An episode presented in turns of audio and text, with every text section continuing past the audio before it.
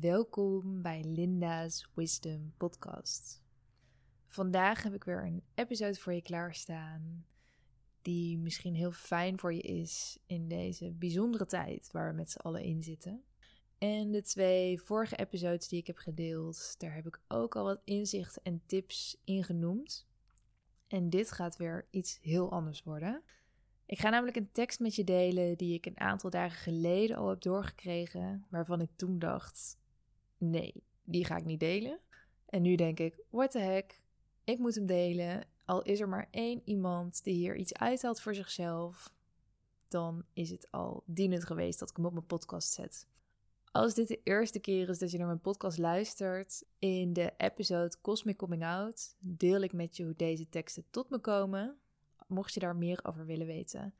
Maar voor nu ga ik graag met je delen wat ik te delen heb. De eerste vraag die ik heb gesteld is: wat is het hogere goed dat het coronavirus aan de wereld en de mensheid brengt? Het hogere goed van het coronavirus is een goed dat de mens niet met haar huidige mind en bewustzijn kan bevatten. We zullen pogen om het aan je uit te leggen. De berichten over een verborgen agenda zijn waar, maar weet dat de waarheid meerdere lagen kent. Op het hoogste niveau, het dichtste bij de bron, is er geen goed of fout. Er is enkel bewustzijn en ervaring. Ervaring van het zelf, met al haar gezichten: schoonheid, duister, donker en licht, zonder oordeel, angst of emotie. Emotie is iets aards, iets menselijks. Een prachtige manier om een reflectie van het eigen bewustzijn te krijgen. In tijden van het virus is emotie ook hetgeen wat bij jullie extreem uitvergroot wordt. Wat altijd al aanwezig was, komt nu naar de oppervlakte. De angst, paniek, zorgen en stress. Het is niets nieuws. Het zijn emoties die er altijd al waren en die het leven van veel mensen regeerden. Weliswaar is de mensheid in zo'n slaapstand beland dat ze zichzelf weer niet bewust van zijn. Op dit moment vindt een grote wake-up call plaats en iedereen heeft een vrije keuze. Observeer ik wat deze gebeurtenis met me doet en maak ik bewuste keuzes? Of ga ik mee in de collectieve angst en leef ik op de automatische piloot? Dit is dé kans om massaal wakker te worden. Velen van jullie zijn al wakker, maar gedraag je je ook wakker. Dit is het moment waar je je training naar een next level kunt kiezen. Want kiezen is waar het over gaat. Iedereen is vrij om te kiezen. Dit is zo'n ontzettend belangrijk concept. No matter what, je bent vrij. Vrij om te kiezen. Te kiezen wat je gedachten zijn, te kiezen hoe je je voelt, te kiezen hoe je reageert en te kiezen hoe je omgaat met je energie.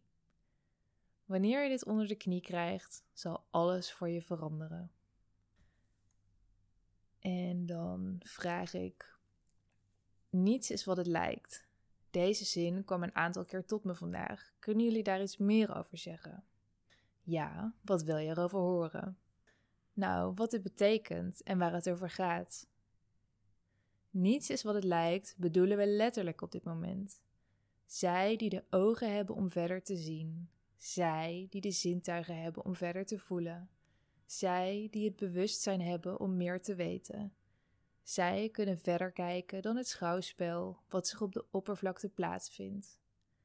Want dat is wat jullie zien, slechts 1% van de diepere impact die deze tijd met zich meebrengt. Nieuws is maar nieuws, vaak onjuist en verwarrend. Ja, het klopt dat er een virus op de wereld rondgaat in deze tijd. Maar nog geen 1% van de berichten die worden genoemd is gebaseerd op de werkelijkheid. Het is allemaal een kwestie van perceptie. Vanuit een bepaalde frequentie zou je kunnen zeggen dat de nieuwsberichten waar zijn. Maar als je op een diepere laag gaat kijken, kun je zeggen dat niets is wat het lijkt, zelfs het tegenovergestelde. Jullie zeggen dat het een tijd van crisis is. Wij zeggen dat het een tijd van licht is, een nieuw tijdperk, waarin het bewustzijn van de mensheid een kwantumsprong maakt voor zij die daarvoor kiezen. De energie op aarde is op dit moment zo bijzonder. Wij zien het als een cadeau voor alle mensen die geïncarneerd zijn in deze tijd.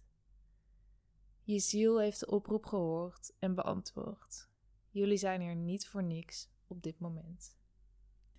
dan vraag ik: hoe kunnen de mensen op dit moment het beste omgaan met deze turbulente tijd?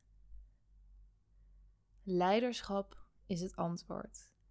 Leiderschap voor jezelf, in je eigen keuzes, je eigen gedachten, je eigen emoties.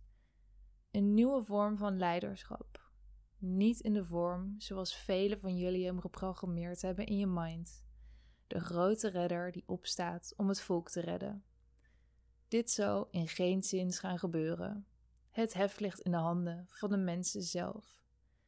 En ieder, met hoofdletters, ieder mens heeft nu de mogelijkheid een sprong in bewustzijn te maken. Om wakker te worden en om wakker te leven. Om boven angst uit te stijgen het hart te openen en vanuit liefde te leven.